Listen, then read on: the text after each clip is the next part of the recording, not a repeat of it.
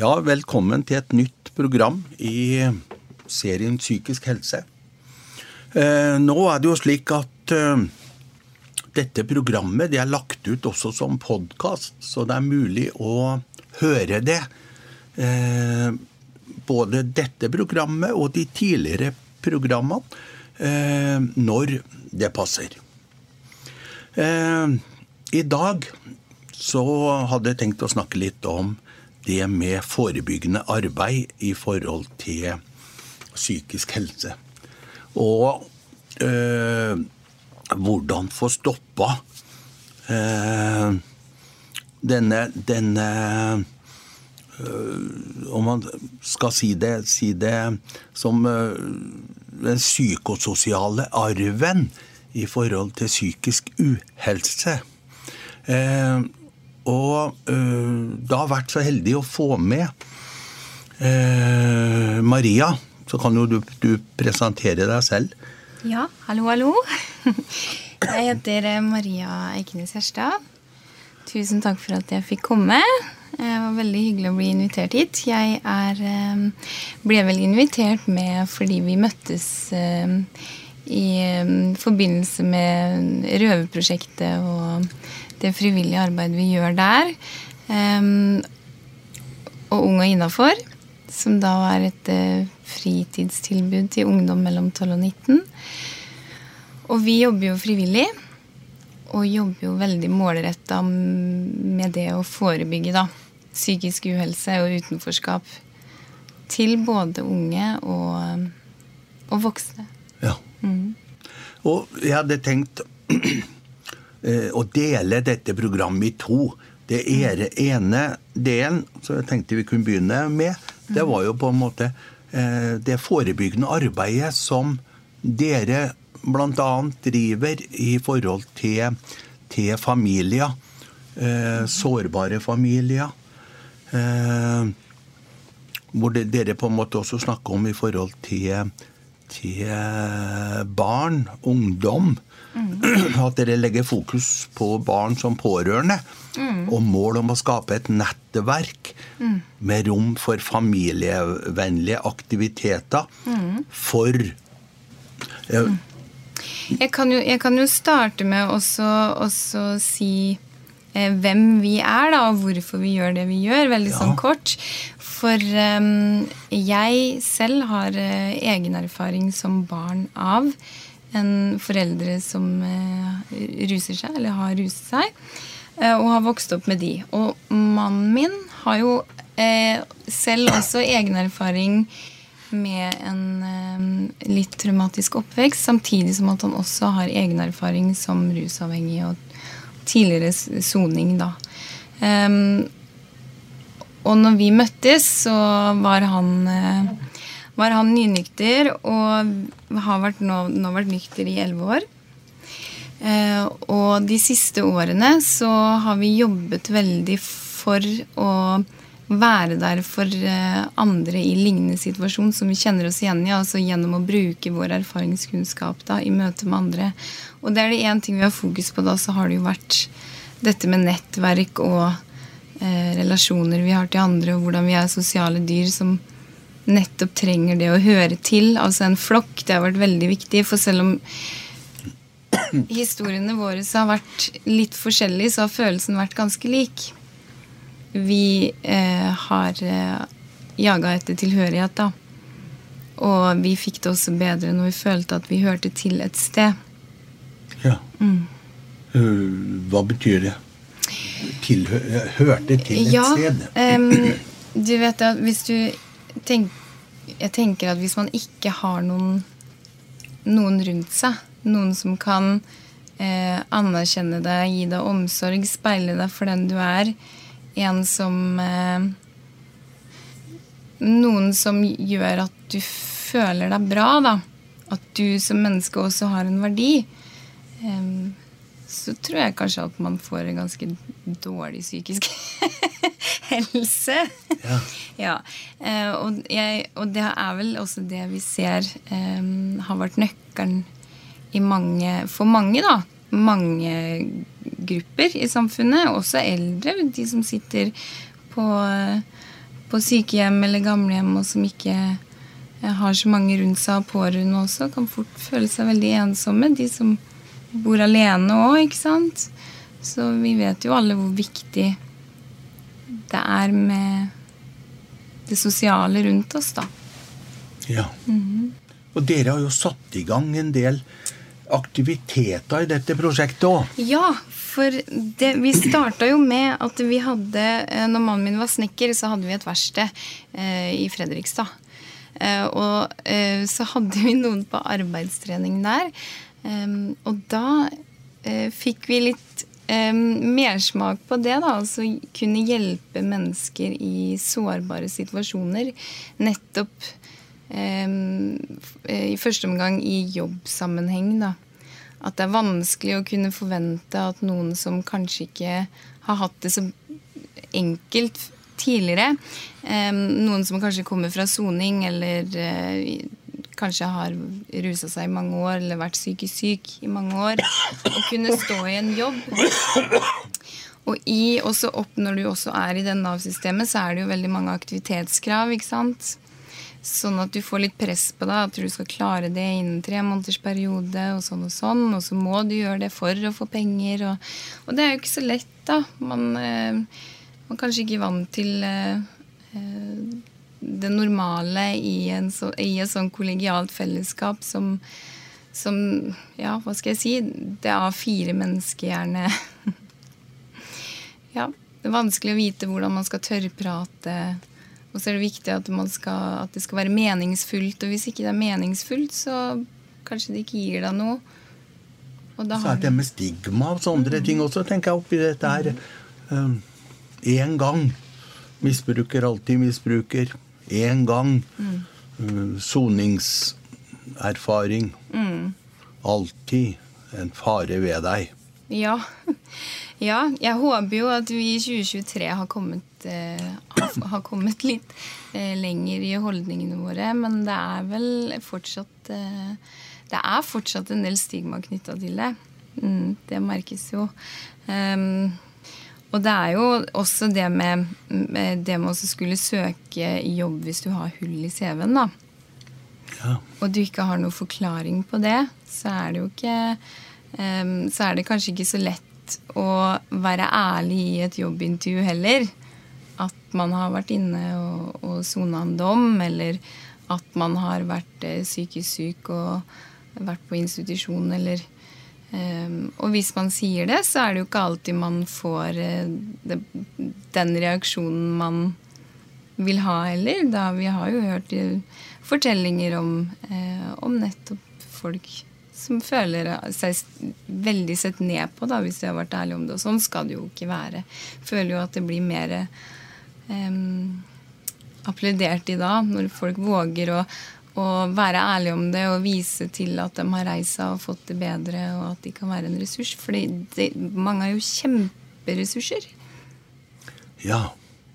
Og det er litt spennende. Det tenker jeg vi skulle snakke om etter, eller i andre delen, dette med, med rehabilitering og tilbakeføring. Og, mm -hmm. eh, og det, det, har jo dere, dere en del erfaring i.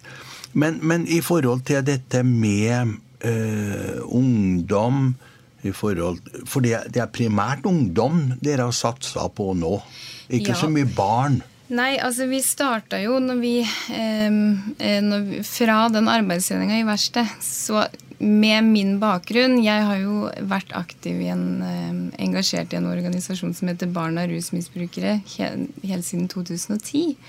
Eh, og jobba nettopp mye med dette med likeperson og erfaringskunnskap opp, opp, mot barn som pårørende. Um, så, så, barn som pårørende sto meg veldig hjertenært. Så da var det veldig naturlig når vi starta organisasjonen Røverprosjektet, som det da het, at vi også skulle ha veldig fokus på familieperspektivet. Og at den um, barn som pårørenderelasjonen også skulle være rom for den, da, når vi eh, inkluderte den løslatte eller den eh, ja, brukeren fra Nav i arbeidstiltak som hadde som pårørenderelasjoner. At alle våre aktiviteter i nettverk og fellesskap også skulle være familievennlige. Ja. Mm.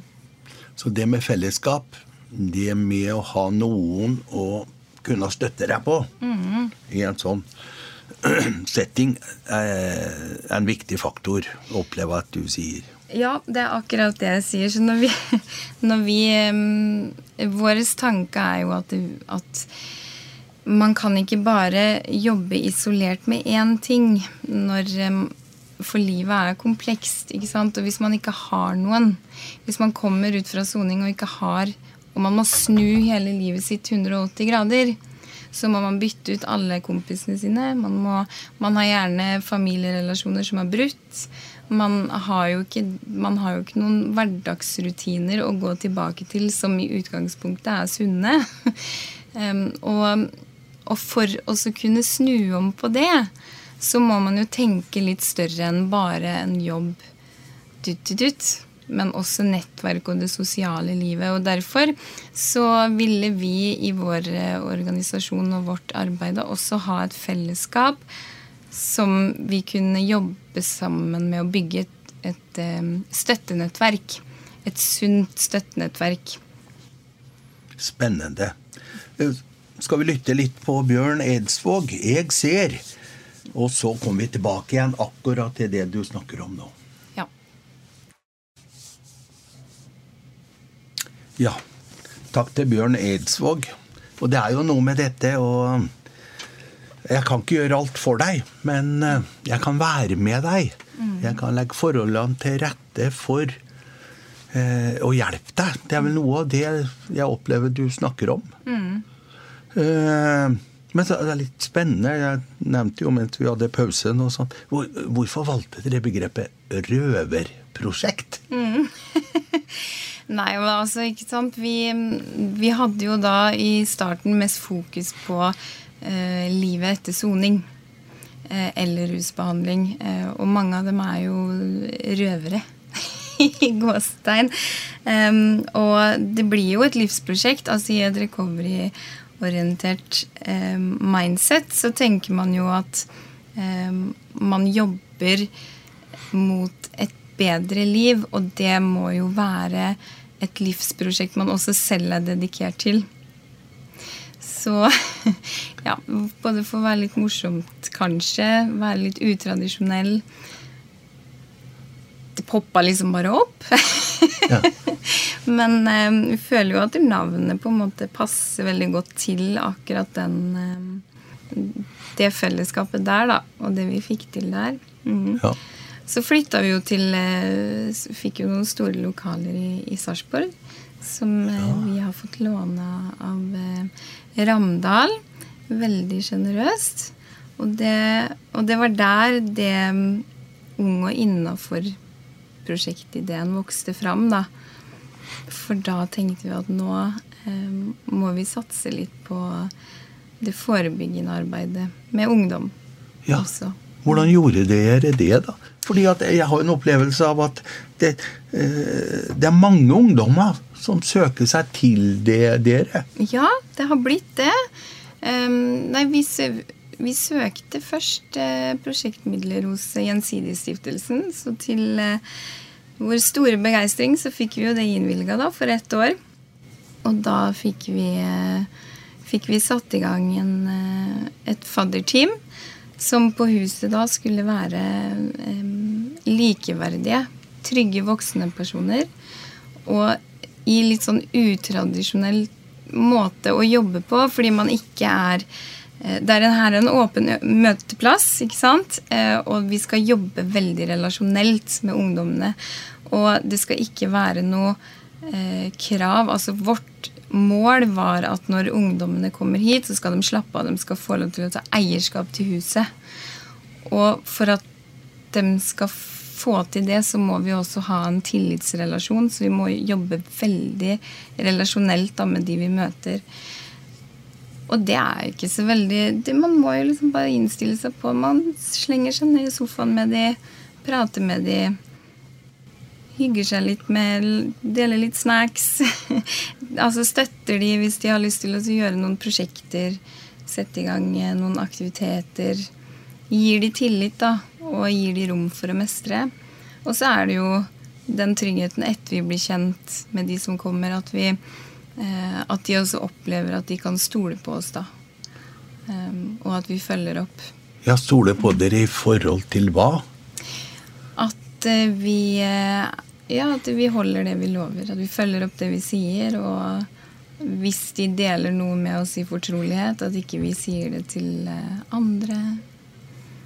Og at vi er på lag med dem, at vi støtter dem, at vi vil dem vel og ivareta dem. Og at vi samarbeider med andre trygge voksenpersoner og viktige samfunnsarenaer. Som for eksempel? Som for eksempel skoler. Eh, foreldre, hvis det er aktuelt, så er de velkommen inn for å se.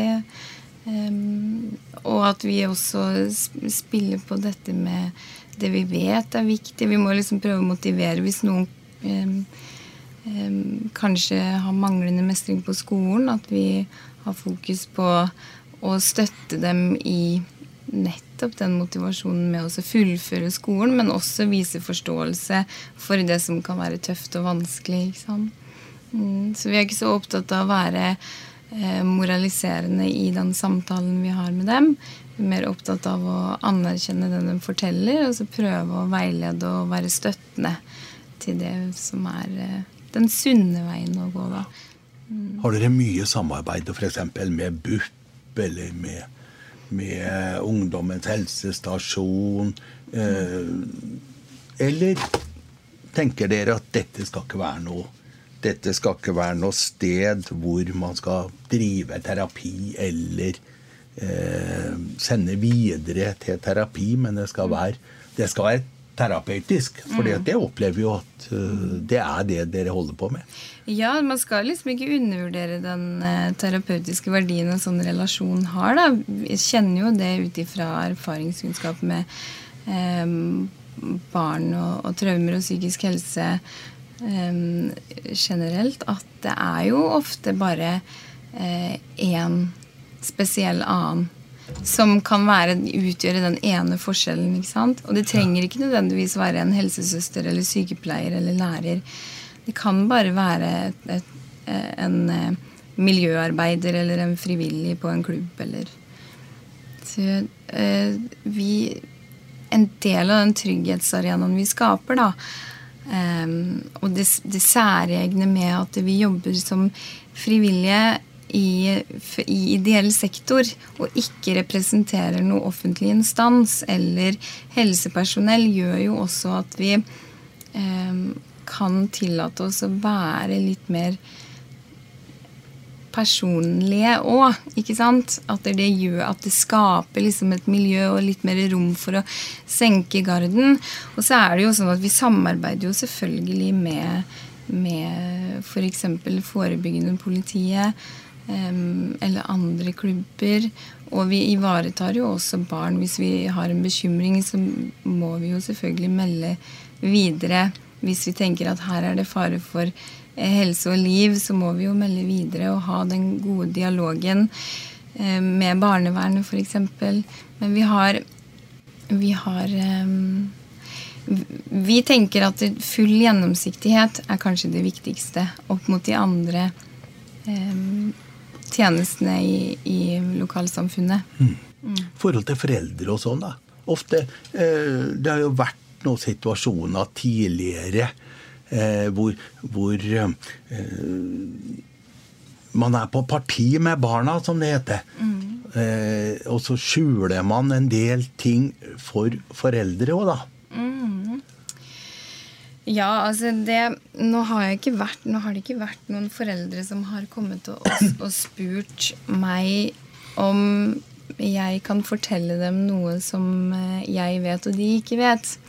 Men hvis jeg hadde kommet i en sånn situasjon, så hadde det vært veldig avhengig av hva det gjaldt. Og hadde det ikke vært eh, noe som jeg eh, tenker er relevant for Eh, som ikke jeg hadde tenkt hadde vært relevant å melde inn som en bekymring hvis jeg hadde vært ansatt et sted, altså i helsesektor eller um, en annen tjeneste, så er det ikke så relevant å dele det videre heller. Det er jo veldig avhengig av, um, av hva det er, selvfølgelig.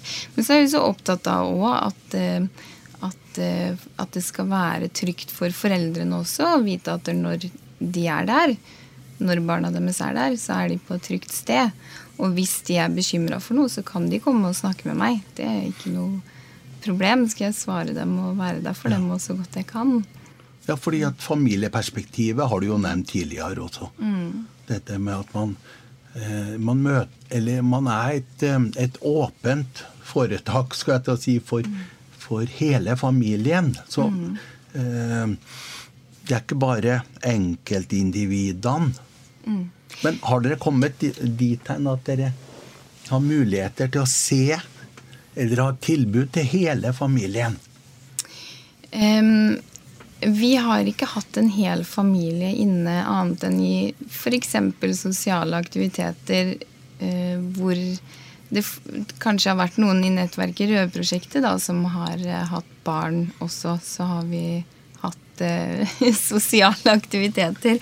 Ung og innafor er jo et fritidshus og en åpen møteplass for ungdom 12 19, så der har de ikke vært sammen med noen foreldre. Men vi opplever jo da at det kommer Vi har jo denne butikken i første etasje, så vi opplever jo også å treffe på mange av foreldrene, og at vi blir kjent med mange av foreldrene også. At vi får en, at vi får en god prat med alle sammen. Og så er det jo eh, veldig ønskelig, da, hvis vi får videreført et tilbud her nå i 2023, at vi kan ha mer åpne For det har det vært et ønske om eh, flere som har spurt om det, spesielt ved juletider og sånn, om det, om det var mulig å kunne åpne stua for noen hyggeligere familie-juleaktiviteter, da. Og det kunne jo vært. Ja.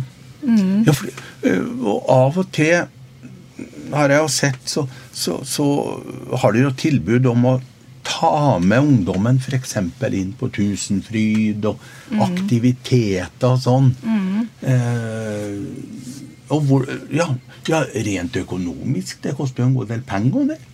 Ja, det er foreldre som blir involvert. Ja, nei, altså da hadde vi jo som sagt fått en eh, Da hadde vi et budsjett for sommeraktiviteter, da. Eh, støtta gjensidige så det vi gjorde da, var at vi dro eh, midt i, i, sommeren, hvor kanskje de fleste som av naturlige årsaker ikke var hjemme, som var så heldige og kanskje var på ferie, eh, hadde reist utenlands eller var på camping eller hytta, eller hva som helst, så var det jo en, en pulje som var hjemme midt i fellesferien. Og det var de vi tok med oss på Tusenfryd. Ja. ja. det, og det er jo også for å kunne komme seg litt ut, finne på litt andre kjekke ting, litt, gi litt kule, store opplevelser, ikke bare henge lokalt i byen. Um, og, og, for å kunne bli bedre kjent, da. Mm. Det med tilhørighet, sånn som du starta med å snakke om, også er jo mm. ja, tydelig at dere klarer å bygge opp denne opplevelsen av tilhørighet, og, og spesielt når det er snakk om psykisk helse og sånne ting òg. Mm. Eh, når på en måte man legger mest fokus på, på eh, ungdom som kommer fra familier eh, Sårbare familier, som er et begrep som er brukt òg. Mm. Men så uh, etter hva jeg forstår, så, så, så, er det ikke bare barn av sårbare foreldre. Skal jeg til å si Nei. sårbare familier. Nei, det er det absolutt ikke. Det er jo Vi har jo åpent for alle.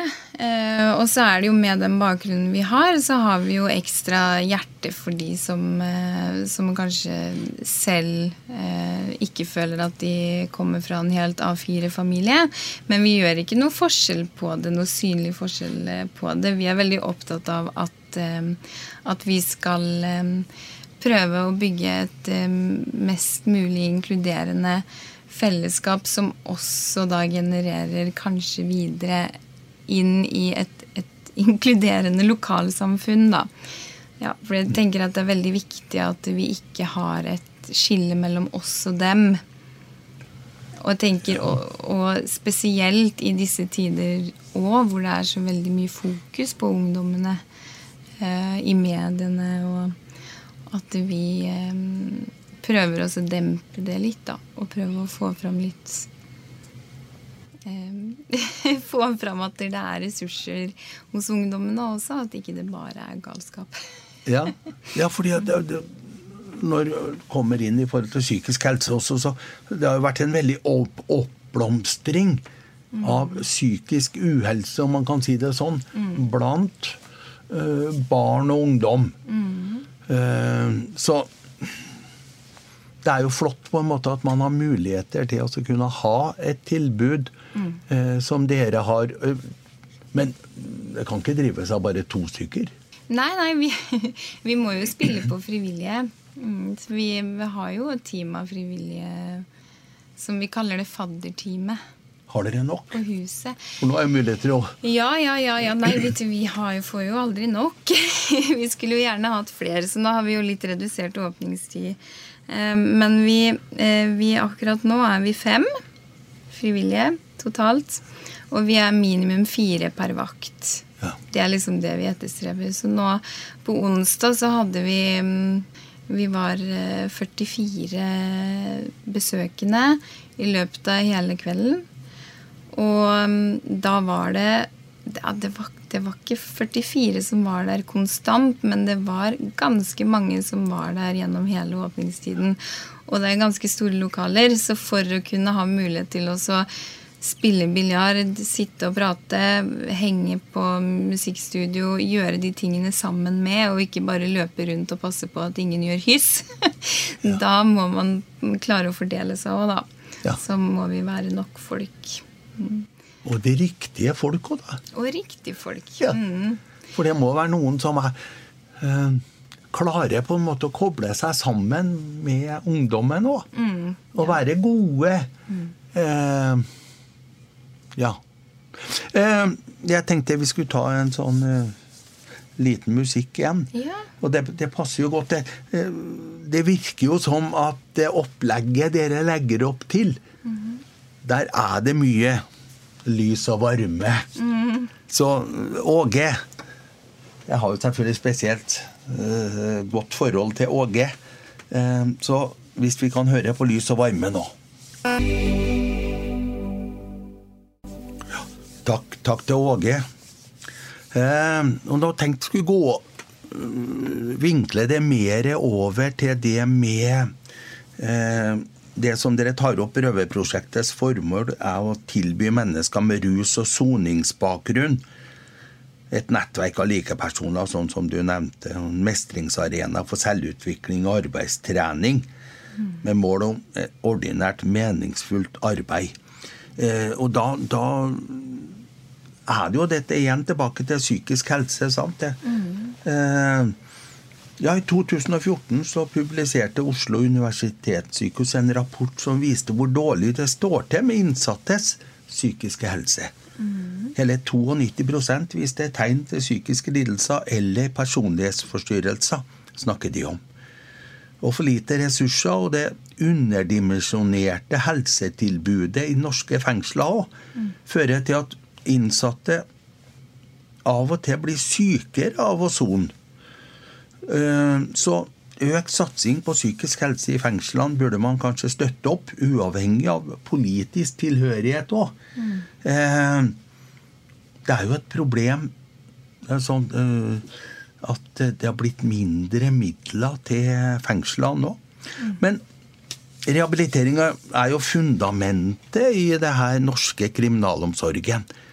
Tanken er jo sånn som du snakka om også, at innsatte skal tilbake til samfunnet etter rent soning. Det er viktig å forberede den enkelte innsatte for et normalt liv. Både av hensyn til den enkelte og til samfunnet. Og psykisk helse er jo en framtidig investering. Hvis fengslene forverrer de ansattes psykiske helse, ender vi fort opp med direktelinje fra fengslene til Nav, til psykiatrien eller tilbake til fengslene. Og Alternativet er at de ansatte blir en ressurs for samfunnet, sånn som du nevnte òg, da. Mm. Det er svindyrt å ikke arbeide forebyggende med dette her. Ja. Eh, hvis man tenker på Selv om det er ulike budsjetter av og til man snakker om, mm. så en satsing på psykisk helse i fengsler koster, men penger man legger inn det blir en framtidig investering. Og alternativet er jo så mye dyrere. Men det er noe med å få forståelse for det. Ja. Eh, og da er det jo dok, dere, eller Du har jo mye erfaring og mye tanker om hvordan skal få jobba videre med dette her òg. For nå har du jo midler fra sånn prosjektmidler. Eh, men det er jo et godt spørsmål også. Er dette et frivillig eh, jobb for frivillige organisasjoner? Eller eh, tar man bort kravet til det offentlige om at de må ha et godt tilbud? Det, det ble en lang innledning, men Ja.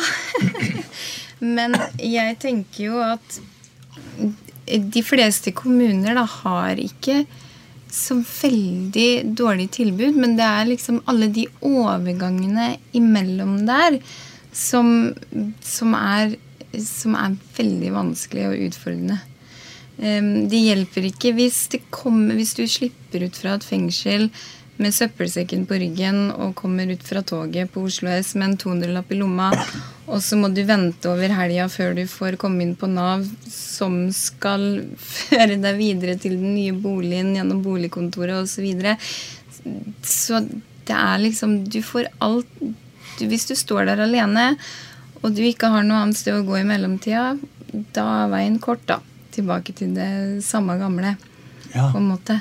Så det jeg tenker, det som jeg og flere da, tenker vi absolutt bør ha mer fokus på, er hvordan kan vi få det til å bli bedre samhandling mellom kommunale, eh, offentlige, statlige og frivillige og lokalsamfunnet.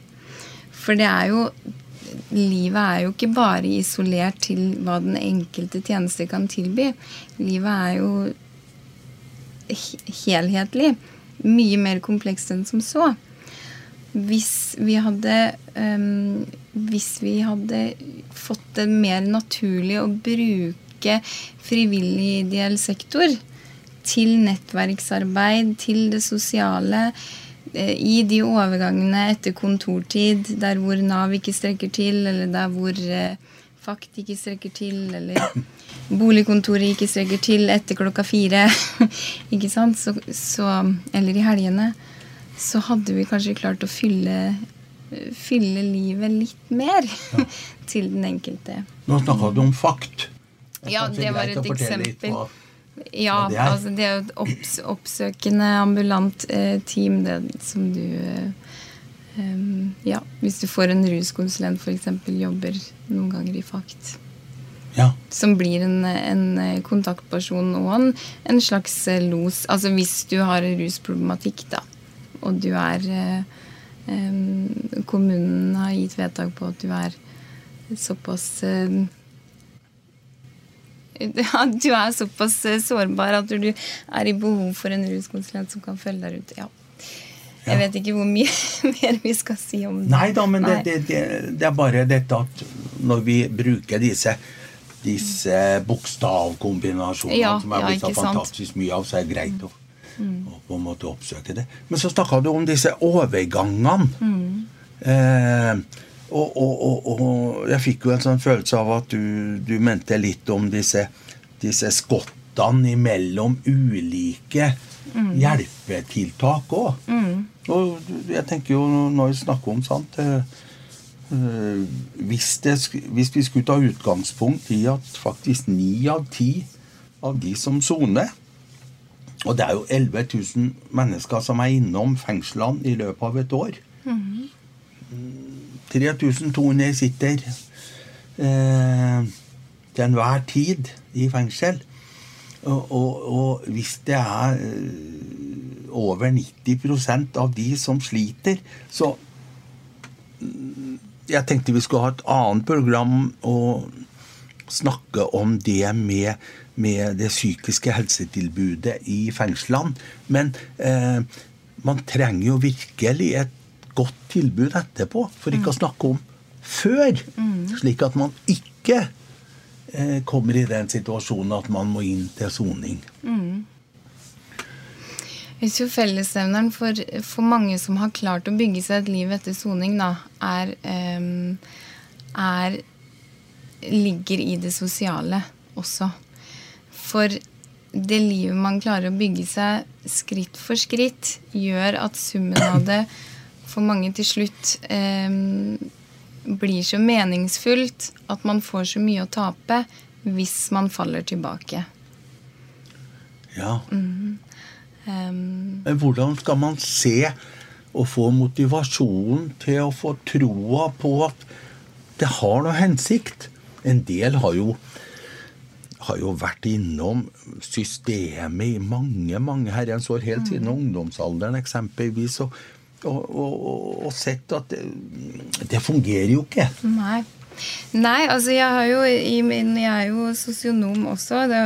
Jeg har jo jobbet um, jobbet med å følge en, en, del sårbare grupper i møte med systemet. Og de har erfaring med de som, eh, som rett og slett er nesten litt sånn gitt opp av systemet etter mange år i tiltaksapparatet. Um, og med den beskjed om at nei, men de nyttiggjør seg ikke av tilbudet. Og det er ikke noe hensikt å gi deg en sjanse til innpå på avrusning eller uh, uh, rusbehandling f.eks. For eksempel, fordi det har du prøvd et par ganger før nå tidligere, så det så vi jo ikke gikk så bra, og det koster jo masse penger, ikke sant. Mm, men, men poenget er at det, hvis det skal ha nytteverdi, da Hvis noen skal nyttiggjøre seg av et tilbud, så må jo tilbudet også ha nytteverdi for den enkelte. Gir det mening? ja, de må se nytteverdien selv òg. Mm. Ja. Og, og, for at de skal se det, så må de jo også oppleve eh, en følelse av håp og mestring, og ikke minst mening i hvorfor de skal gjøre det. Eh, og så tenker jeg at det er så viktig at når noen skal sette seg ned og, og lage, eh, lage, sitt eget ettervern etter soning eller rusbehandling, så um, må du jo fylle livet med noe som de syns er viktig, og som de syns er meningsfullt. Og da er det jo også viktig at det er de menneskene som sitter rundt, som skal hjelpe den enkelte, forstår at, ja, at de er nødt til å ta hensyn til hva det er som er viktig for han eller hun. Ja. Og faktisk la det være litt førende for for de tiltakene som blir satt opp, eller hvordan tilbudet utformes. Ja.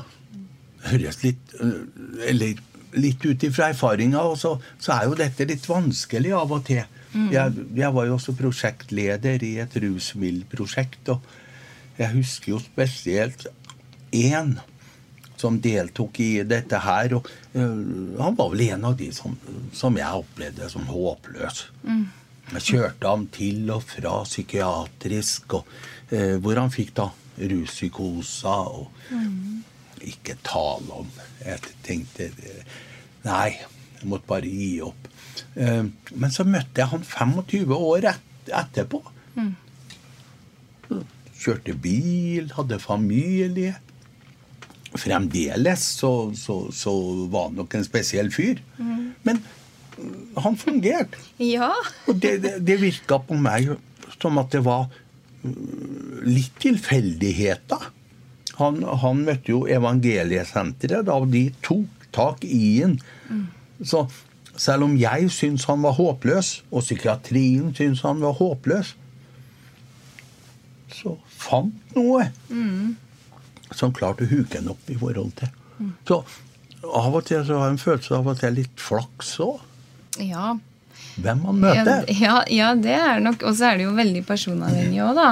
Ja. Um, og jeg opplever jo at, det, at den um, At personen du møter som skal hjelpe deg videre, som faktisk kan støtte deg på veien, at det går noen sammen med deg på veien som kan støtte deg, um, og backe deg når du, når du føler deg motløs sjøl, ja. ja.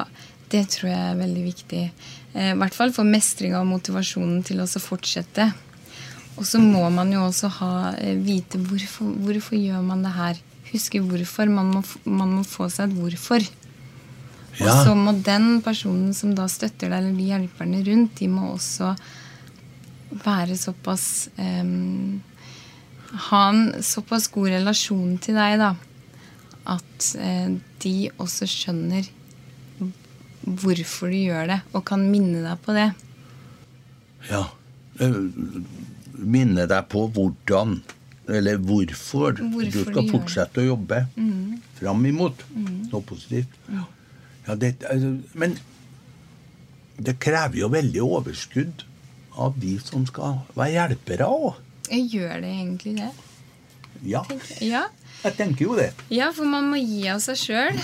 Det er jo sant. Ja. Man, må jo kanskje, man må jo kanskje tåle å, å bli fortalt noen ting. Men da må man jo gå og ta noen ransakelser med seg sjøl som hjelper. Hvis man eh, ikke klarer å å møte mennesker og, og, bære det de kommer med, det de kommer med, på en måte, så burde man kanskje fått seg en ny jobb. jo, jo, det er litt spennende. Jeg tenker jo på det eksempelet som jeg hadde. sånt. Jeg, jeg, jeg ga opp dette her. og og, og, og, psykiatrien ga vel opp. Jeg skulle si, Alle ga opp. Mm. Unntatt det var noen som, som nekta å gi opp. Mm. Eh, og det er jo dette med hvordan sørge for å få påfyll. Mm. Hvordan hjelpe hjelperne òg. Ja. ja, det tror jeg jo er kjempeviktig. det er veldig viktig å ha det, den kulturen også som, som hjelper i, i, sammen med kollegaene dine òg. At man kan at man har en felles forståelse for eh, ja, hvordan man jobber med mennesker, og at man kan ha lav terskel for oss å ja. sperre med hverandre etterpå hvis det er spesielt i psykiatrien. Der møter man jo mye tungt som kan være tøft å stå i, og det er jo mange, mange av oss og mange av de som jobber i, i de yrkene som kanskje er har en egen erfaring eller har hatt eh, noen traumer i oppveksten selv eller er pårørende til noen, og at det vekker noen følelser eh, hos deg òg som, ja, som, du må hanskes med. Og for at du skal kunne gi god, god hjelp, så må du jo også ha et bearbeida forhold til det. Og da er du jo avhengig av å kunne snakke med noen om det etterpå.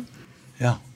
Uh, I Røverprosjektet har dere, har dere noe system for å ta vare på hverandre. Mm. Brifing, debrifing, fine ord, men eh, mm. Vi er veldig opptatt av, av, at det skal være nettopp det her med åpen dialog og lav terskel for å ta opp ting. Og dette med at vi alltid skal våge å være direkte med hverandre. Det er ingen Alle følelser er, er lov. Eh, og spesielt når vi kanskje også jobber med, med ungdommer òg, så må vi også ha lav terskel for å kunne reflektere med hverandre etterpå. For at vi skal kunne gå gjennom våre egne følelser hvis vi har stått i, stått i møte med noe som kan ha vekt noen reaksjoner hos oss. Uh, og så er, er, det veldig viktig med den speilinga tilbake. Sånn at du kanskje også kan se deg selv i noe som du ellers kanskje ikke ville tenkt over hvis du bare hadde sittet og tenkt på det sjøl. Det er ikke litt tøft å bli speila på ting man, eh, man ikke har gjort godt nok? Men det trenger jo ikke nødvendigvis være noe du ikke har gjort godt nok. Men jeg tenker jo også at det kommer jo an på hvordan du, du legger det fram, da.